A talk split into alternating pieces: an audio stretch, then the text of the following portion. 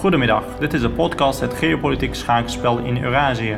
Mijn naam is Isa Yusubov en in deze podcast ga ik dieper in op de geopolitieke actualiteiten en ontwikkelingen op het grootste continent van onze wereld.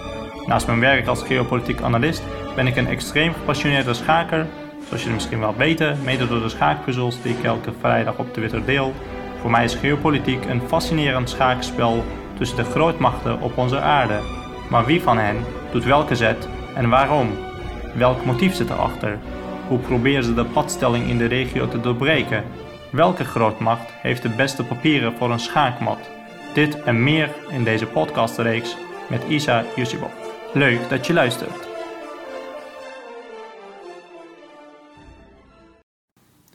Dames en heren, beste luisteraars, van harte welkom bij de inmiddels de derde aflevering van mijn podcast Het Geopolitiek Schaakspel in Eurazië.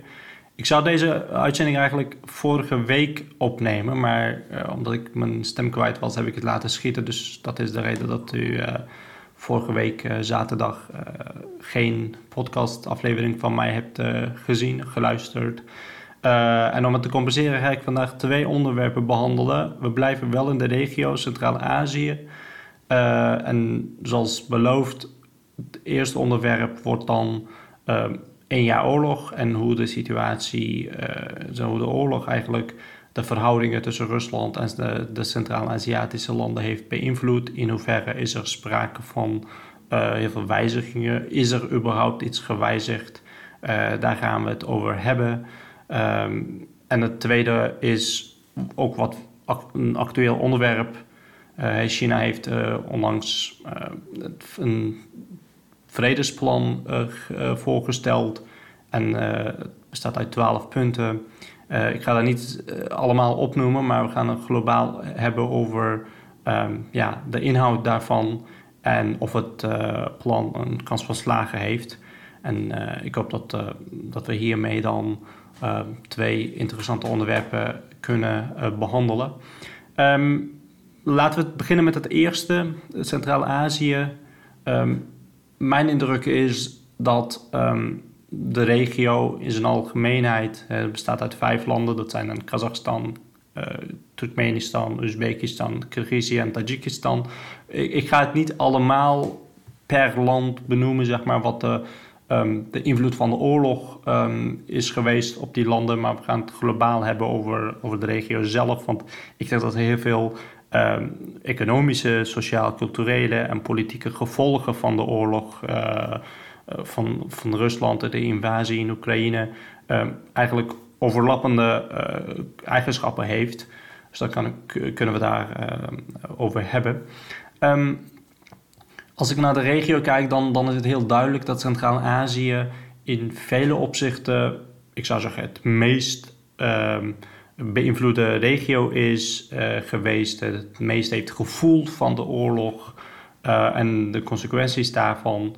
Um, en dat heeft dan ook economische, politieke, militaire, maar ook uh, socioculturele implicaties gehad voor de regio.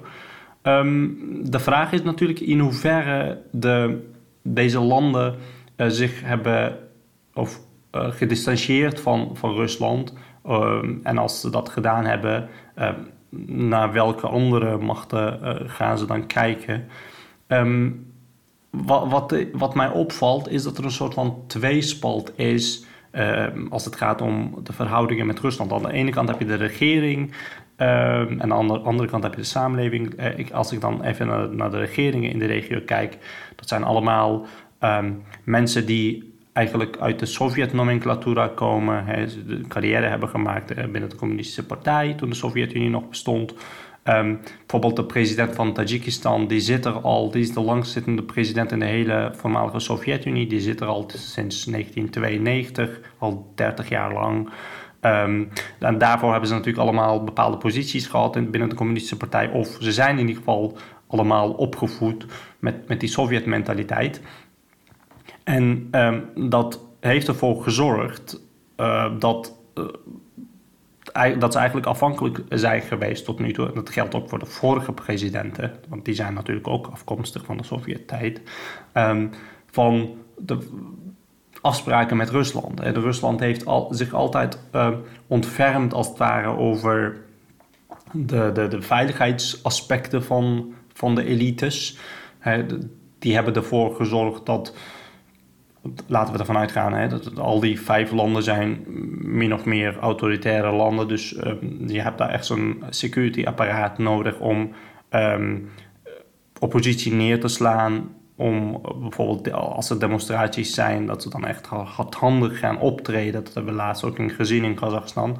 Dus, um, en om dat te kunnen doen, heb je de hulp van, van de Russen nodig gehad. En uh, met name die van Poetin uh, sinds het begin van deze eeuw.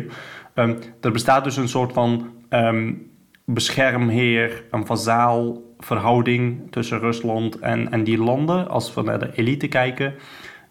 Dat is ook de reden waarom bijvoorbeeld als we naar de VN-resoluties en de stemmingen gaan kijken, dat geen, enkele, geen enkel Centraal-Aziatisch land heeft zich duidelijk uitgesproken, of in ieder geval bij de VN-vergaderingen, um, de resoluties gesteund die tegen, um, tegen Rusland waren. Uh, en eigenlijk bijvoorbeeld de, de, agressie van Rusland aan de kaak stelde of um, misdaden tegen, tegen de menselijkheid, dus een oorlogsmisdaden aan de kaak stelde. Dat, ze hebben zich altijd af, afzijdig gehouden van de stemming. Ze hebben natuurlijk niet gezegd dat ze, dat ze aan, de, aan de kant van, van Rusland staan. Hè. Dat, ze hebben er niet uh, tegen gestemd, maar allemaal zijn ze afzijdig geweest. Dat geldt ook voor Armenië en Azerbeidzjan, ook overigens, Zuid-Caucasus. Dus dan zie je zo'n soort van patroon. Um, en dat, de reden daarvoor is dat ze um, ook wel beseffen. Hè, ze, zijn, zijn een beetje. Uh, wat ze nu doen is een beetje kat uit, kat uit de boom kijken. Want, want um, er is nu heel veel onzekerheid vanuit het perspectief van die landen. hoe de oorlog gaat verlopen.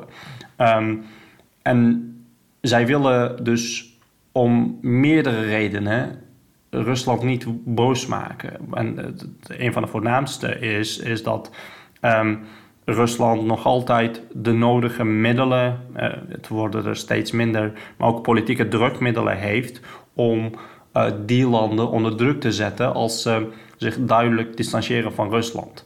Uh, bijvoorbeeld in Noord-Kazachstan heb je heel veel, uh, heb je bijvoorbeeld Russische minderheid wonen en je hoort af en toe steeds meer overigens dat uh, dat, er, dat Rusland daar ook moet ingrijpen om de, de, de Russische minderheid in Noord-Kazachstan te beschermen. En hetzelfde geldt ook voor, voor Oezbekistan, voor Turkmenistan en zo. En Tajikistan, want zijn ook landen waar Rusland, uh, bijvoorbeeld, dat zijn ook landen die militair gezien ook en af, voor een deel economisch deel uitmaken van de alliantie onder leiding van Rusland. Bijvoorbeeld Oezbekistan is geen lid van de Eurasiatische Unie. Um, dus dan, dat is heel duidelijk een, een, zorgpunt voor de elites in die vijf Centraal-Aziatische landen. Dat is ook de reden waarom ze zich niet zo stellig durven uit te spreken tegen Rusland. Um, ja, aan de ene kant erkennen ze bijvoorbeeld uh, de annexatie van, van de nieuwe gebieden niet. Hè. Bijvoorbeeld de president van Kazachstan heeft dat uh, vorig jaar ook gezegd. Maar veel um, ja, stelliger dan dat gaat het niet worden.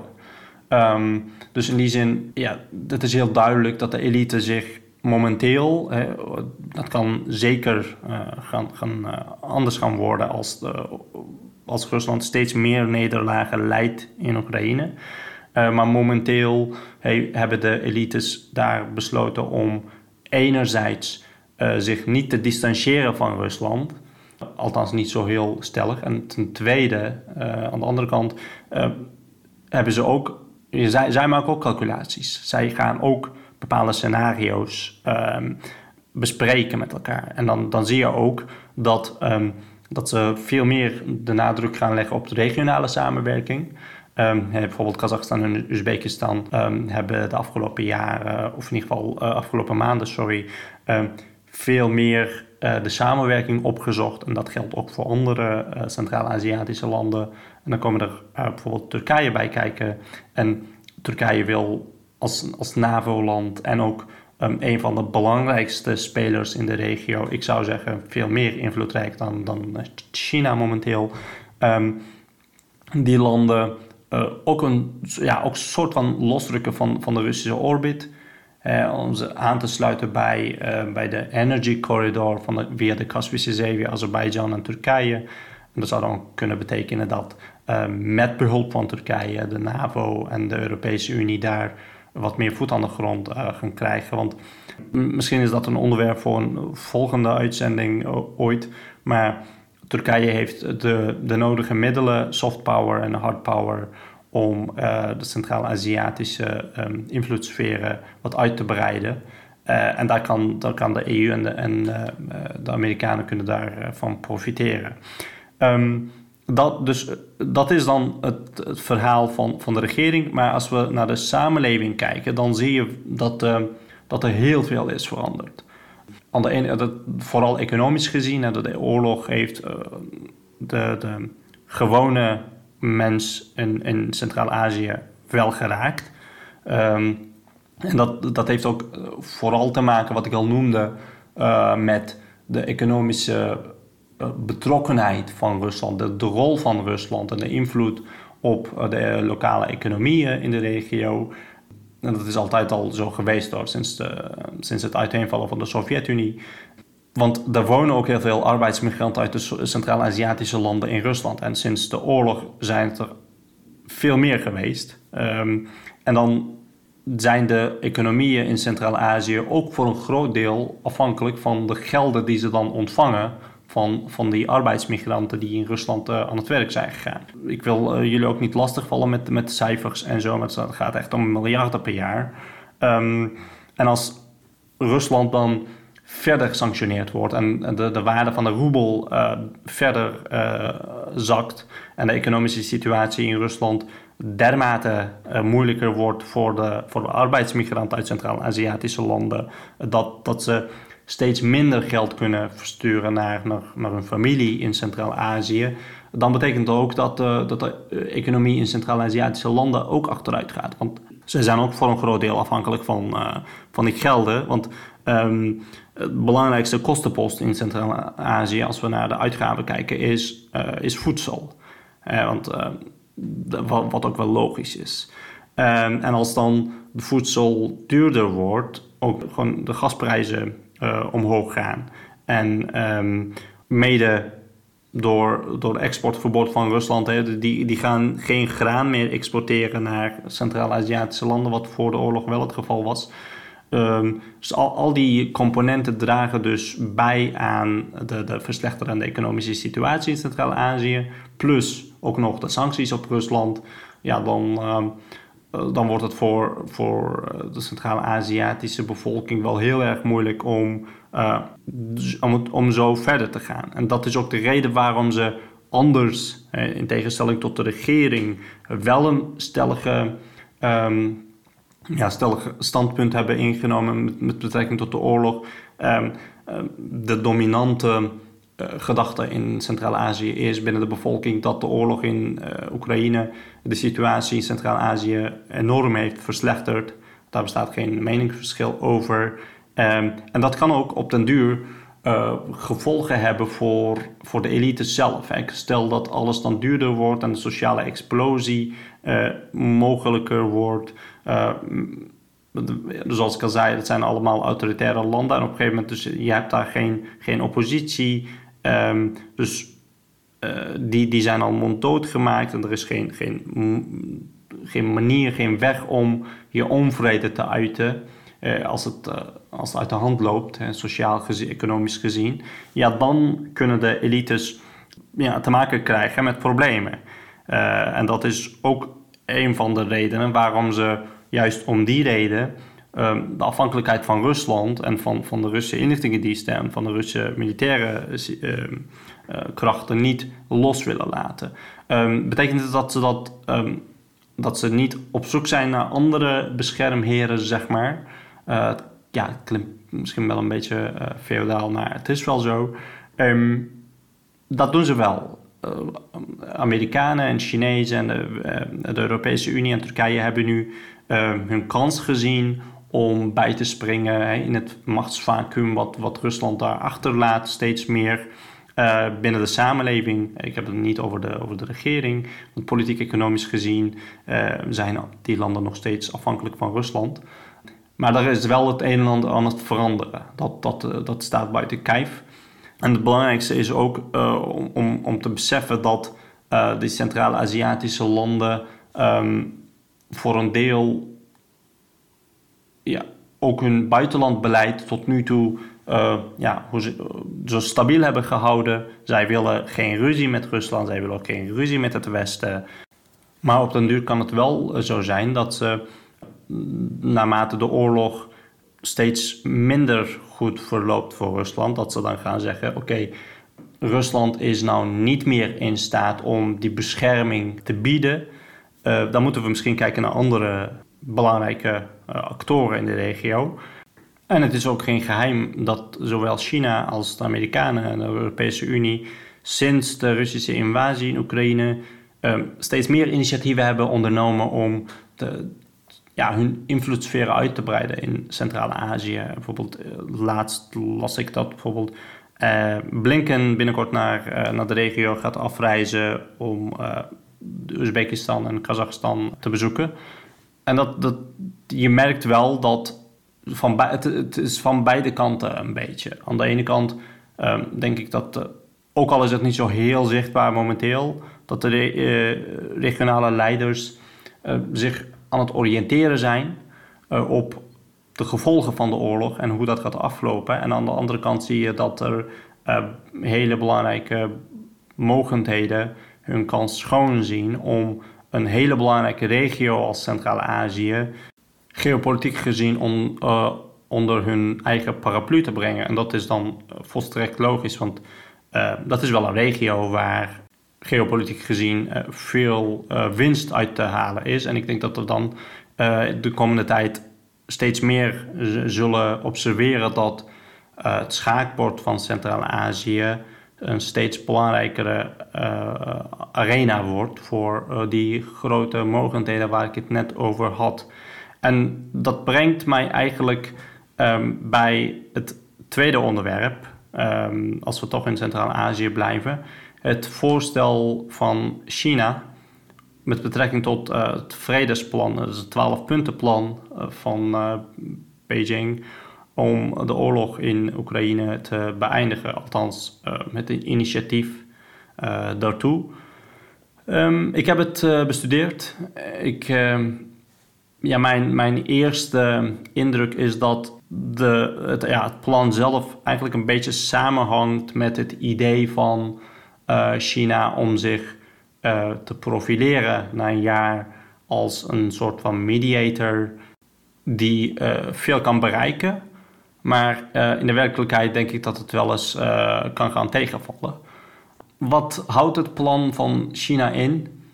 Ze hebben veel, veel dingen genoemd. Ze begonnen met uh, territoriale integriteit van, van de landen. Uh, dat de vredesonderhandelingen gestart moeten worden, of in ieder geval hervat moeten worden. Staakt het vuren, de sancties tegen Rusland opgegeven moeten worden. Er wordt gesproken over postoorlog, uh, wederopbouw. maar er wordt ook gesproken over wat, wat globalere plaatje, hè, zeg maar. Um, dat er geen ruimte moet zijn voor, voor een koude oorlog. Of dat in ieder geval het gebruik en de inzet van kernwapens niet ter sprake mag komen. Um, het zijn allemaal punten die ja, op een gegeven moment door, door velen genoemd zijn aan de ene kant, maar aan de andere kant um, best wel holle termen bevatten zonder een specifieke uitwerking. Kijk, uh, als ik naar het plan kijk, dan, dan denk ik van het eerste punt was um, territoriale integriteit van, van landen respecteren. Um, daar kon je het ook bij laten. Je had de rest in mijn ogen niet nodig, want wat er daarna komt, hè, dat, er dan, dat een oorlog is, dat er hervat moet worden met, uh, met, met uh, vredesonderhandelingen, dat er sancties opgegeven moeten worden, dat uh, de veiligheidsorde van de wereld gerespecteerd moet worden, nucleaire oorlog en dit en dat. Dat zijn allemaal gevolgen van het feit dat het eerste punt niet gerespecteerd is door één land en dat, dat is dan Rusland. Ehm, want als je, als je nu naar het plan kijkt, dan leest het alsof er ook heel veel te wijten valt aan Oekraïne. Ehm, maar dat is natuurlijk een onjuiste interpretatie van de werkelijkheid, van wat er gebeurd is. Ik denk dat het ehm, een mogelijk vredesplan alleen een kans van slagen heeft als het eerste punt uh, ook meteen het laatste is. Um, deze oorlog is begonnen met, met een invasie van Rusland binnen een soeverein land. Met erkende grenzen door Rusland zelf in 1991. Dus al het andere is een bijzaak. Um, dus ik denk, als ik het zo lees, dan dat China zich te, ja, op, op Rusland moest richten en zeggen van hey, um, punt 1, terugtrekking uit Oekraïne, want dit is dan uh, het respecteren van uh, territoriale soevereiniteit van landen. Want het is niet Oekraïne dat Rusland heeft binnengevallen, is binnengevallen. Het is niet NAVO dat de oorlog heeft opgezocht met Rusland. Uh, het is Rusland dat een soeverein land, een onafhankelijk land met erkende grenzen, volgens, volgens de VN en ook volgens de Russen zelf. Poetin heeft drie keer een verdrag ondertekend waarin de landsgrenzen van, Rusland, of, van Oekraïne en Rusland uh, wederzijds gerespecteerd uh, zouden uh, moeten worden. dat is niet gebeurd. Um, dus ik denk dat dat een beetje wensdenken is van, van China om, om nu met, met dit plan aan te komen. Maar um, dus ja, het, het lijkt me dan ook niet meer dan logisch dat zowel Kiev als, als de NAVO en de Europese Unie hebben gezegd uh, dat dit plan ook geen kans van slagen heeft. Want uh, in hun ogen is China uh, niet geheel onterecht overigens um, een soort van partner van Rusland geweest de afgelopen periode. En ook in de oorlog het een en ander heeft geleverd. En daar bestaat een risk dat, dat China binnenkort ook lethal weapons, zoals het heet, kan gaan leveren aan, aan Rusland. Ik denk eerlijk gezegd dat dit plan eigenlijk een soort van uh, waarschuwing is. En aan de ene kant als een strategische stap is geweest van, van de Chinezen om een tweespal te creëren binnen de, binnen de alliantie die uh, Oekraïne steunt. Ik denk dat uh, China inziet dat, dat, dat we nu te maken hebben met een bipolaire wereld opnieuw. Met, met Amerika en China aan de andere kant. En volgens mij denkt China nu van als Rusland uit de weg is, hè, als Rusland daar verslagen is, dan uh, gaat Amerika zich richten op, op China. dat kan via Taiwan en dergelijke, of uh, trade wars en alle, alle mogelijke middelen. Um, dus in die zin denk ik dat, dat China dat, dat beseft. Tegelijkertijd ook een signaal wil afgeven richting de Europese Unie van met jullie hebben we geen problemen. Maar uh, het feit dat Amerika nog steeds um, voor een groot deel uh, het beleid van, van het geopolitieke beleid van, van Europa uh, bepaalt of mede bepaalt, is wel problematisch. Dus ik denk dat China, wat China nu kan bereiken of wil bereiken, is dat de steun aan Oekraïne vanuit het Westen verzwakt wordt. Dus die eendracht, wat, wat nu gaande is aan de ene kant de Amerikanen en de EU, dat daar in ieder geval uh, het een en ander geregeld kan worden.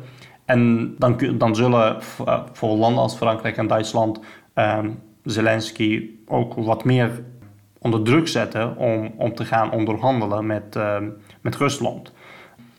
En het andere, andere punt is dat China, uh, ja, waarom China zich al een jaar uh, niet heeft uitgesproken over de oorlog. Want uh, ze hebben het wel natuurlijk het een en ander gezegd over de ontoelaatbaarheid van inzet van nucleaire wapens. En ik denk dat ze daar net als Amerika nog steeds achter staan. En um, de kans op een nucleaire oorlog tussen Amerika of tussen Rusland en, en het Westen nog steeds in mijn ogen, en dat zeg ik nog steeds heel stellig, nul is. Maar het feit dat, dat China nu uh, met dit plan komt, ja, het is wel symbolisch op, op 24 februari. Uh, maar ik heb, ik heb mijn twijfels bij ehm, wat, wat nou de echte bedoelingen van, van China is in deze. Uh, het zou me ook niet verbazen als. Uh, want ik, ik heb vandaag in de Russische media ook gezien dat, ehm, het Rus, dat, dat Rusland eigenlijk het enige land is, of in ieder geval de enige betrokken actor is, die tevreden zegt te zijn met, met, met het plan van China. En dat is ook wel logisch, want zoals ik al zei, um, het eerste punt is ja, voordelig voor, voor, voor Oekraïne, maar de rest denk ik van ja. Um, dit is gewoon om, om, Rusland een beetje in bescherming te nemen. En dat is ook heel logisch dat ze daar uh, blij mee zijn. En daar wordt ook niet eens gesproken van hoe deze oorlog uh, beëindigd moet worden, wat, uh, wat het eindresultaat moet zijn. Dan eh, heeft, heeft het voorstel dan weinig praktisch gezien, weinig nut. Ja, dingen die daarin staan klinken wel allemaal leuk en aardig, maar de praktische uitvoering, dat is onmogelijk. Mijn indruk momenteel is dat China met dit plan, maar ook met, met onderhandelingen met West-Europa, of in ieder geval de Europese Unie, uh, een soort van tweespalt wil creëren en ervoor zorgen dat, dat in ieder geval oneenigheid, oneenigheden ontstaan tussen Amerika en de Europese Unie in zaken het wel of niet militair steunen van, uh, van Oekraïne. Want mijn indruk is aan de andere kant dat Amerika in ieder geval uh, G7-landen definitief het besluit hebben genomen dat, um, dat Oekraïne deze oorlog moet winnen en Rusland verslagen moet worden. Uh, wat, dat is een mening wat ik sinds vorig jaar februari al deel. En het doet me goed dat het Westen nu wel tot het besef is gekomen van de enige mogelijke optie om deze oorlog te eindigen is uh, de nederlaag van Rusland. Uh, want als je nu gaat onderhandelen uh, met ja, voorstellen als eh, Land for Peace en dergelijke, ja, dan, dan ga je de, de fouten van de geschiedenis herhalen. Dat, eh, in Georgië gebeurde dat bijvoorbeeld. Dus het Westen weet nu dat Rusland ehm, verslagen moet worden, een nederlaag moet leiden wil het, het continent uh, Europa vredig uh, voortbestaan. En ik denk dat dat ja, een hele, hele goede ontwikkeling is. Maar de vraag is of China met dit voorstel en wat, wat het vervolg gaat worden, uh, ja, erin gaat slagen om een soort van discrepantie te creëren tussen de standpunten van, van de Europese Unie en de Amerikanen. Maar dat is op lange termijn zal het, uh, zal blijken. Um, Oekraïne zelf, ook niet onbelangrijk natuurlijk. Um, aan de ene kant hebben ze ook gezegd dat ze uh, dit plan bestuderen, maar dat ze meer dan één, op, op meer dan één punten bezwaren hebben uh, tegen het plan. Maar tegelijkertijd staan ze wel een beetje open tot, tot bepaalde um, ja, onderhandelingen. Maar um, in Kiev heerst nog steeds het idee dat er met Poetin niet te onderhandelen valt. Uh, en dat, daar hebben ze denk ik volledig gelijk in, dat er dan, als Rusland wil onderhandelen, dat, dat ze dan iemand anders naar voren moeten schuiven. Uh, en gezien het feit dat er nu ook al een intra-elite strijd gaande is in het Kremlin, zal, zou dat wel eens de mogelijke optie kunnen zijn. Maar al met al denk ik uh, dat nu onderhandelen theoretisch gezien geen zin heeft en praktisch gezien onmogelijk is. Um, en de enige mogelijkheid om uh, vrede te bewerkstelligen is de nederlaag uh, van Rusland. En on that note denk ik dat, uh, dat we genoeg besproken hebben vandaag. ik zie dat het inmiddels half uur is geworden. tijd om, om te af te ronden.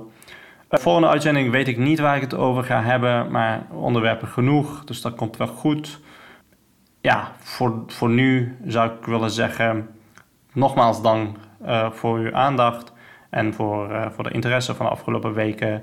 En ik hoop uh, u volgende week weer te mogen verwelkomen met een interessant onderwerp. Dank u wel.